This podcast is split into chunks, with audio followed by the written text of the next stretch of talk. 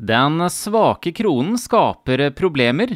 Kredinor tror både bedrifter og privatpersoner vil slite med økende inkassogjeld.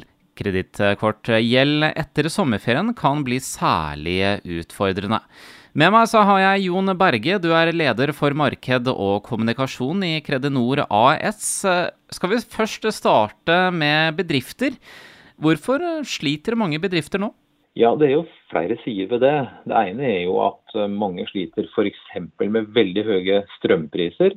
Eh, men i denne sammenhengen så er det jo eh, spesielt handelsbedrifter som kanskje er avhengig av å handle med andre land, andre valutaer, som får vanskeligheter fordi prisen på det de må kjøpe går veldig opp.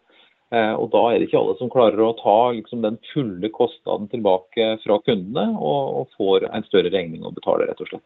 Og rett og slett det er pga. Eh, valutakursen? Ja, valutakursen har jo endra seg eh, kraftig over det siste året. Den norske krona har blitt svakere, spesielt da mot eh, dollar og mot euro, som jo er de to hovedvalutaene. Men også litt tettere på oss mot svenske og spesielt danske kroner. Det har vært en dramatisk svekkelse det siste året spesielt. Tror dere at flere bedrifter kan risikere å gå konkurs? Ja, vi begynte å se en trend i fjoråret at eh, konkurstallene gikk oppover igjen. Eh, og nå har den trenden forsterka seg. Så langt så er det ingenting som tyder på at det skal snu igjen, heller tvert imot.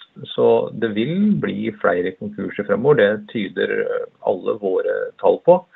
Og det er jo en utvikling som, som jo er litt skummel. Fordi det igjen fører jo til arbeidsledighet, kan gjøre. Og at flere da igjen kan slite med å betale sine private regninger. Så det er en ond spiral, dette, som er litt uheldig. Men igjen viktig å si at situasjonen er fortsatt bedre enn det den egentlig var før pandemien, spesielt for privatpersoner. Men, men nå er det på vei feil retning, og dette er et litt tidlig varsel som er ute med nå. Og så må vi snakke litt også om privatpersoner, fordi nå er det jo sånn at mange skal jo eh, ut eh, på ferie, og mange bruker jo kredittkort eh, i forbindelse med å betale ferien. Dere frykter at mm. flere vil slite med å betale når de først skal det etter sommeren? Ja, mange, mange, har jo kanskje kjøpt allerede ferien sin på kredittkort, og muligens har den forfalt til betaling allerede, sånn at det har gjort et ganske stort innhogg. Så når du da skal ut på ferie, og så sitter du der på um, fortausrestauranten i, i Syden, eller kanskje bare i Danmark, eh, så, så, vil det du da betaler med et kredittkort, kanskje, bli mest sannsynlig dyrere enn det du kunne forestilt deg når du satt der. Så det her jeg tenker at folk må ha et veldig bevisst forhold til det det koster når en er ute og reiser nå. Ikke bare valutakursen dårlig, altså det du får for norske kroner er veldig lite. Men prisen på det du skal kjøpe har også gått veldig opp i de landene du skal besøke, akkurat som i Norge. Så det er liksom en dobbel effekt som bare er ordentlig kjip for alle nordmenn som gleder seg eh, til å få en etterlengta ferie nå. Så sett opp et budsjett, vær tydelig på det du kan bruke i sommer. Hvem gruppe er det som bruker mest kredittkort? Når det gjelder turer, eh, så er det jo veldig vanlig at de fleste bruker det. Det er mange som bare bruker et vanlig betalingskort også, men, men kredittkort er veldig vanlig også for å ha både oversikt over bruken din i løpet av ferien samla.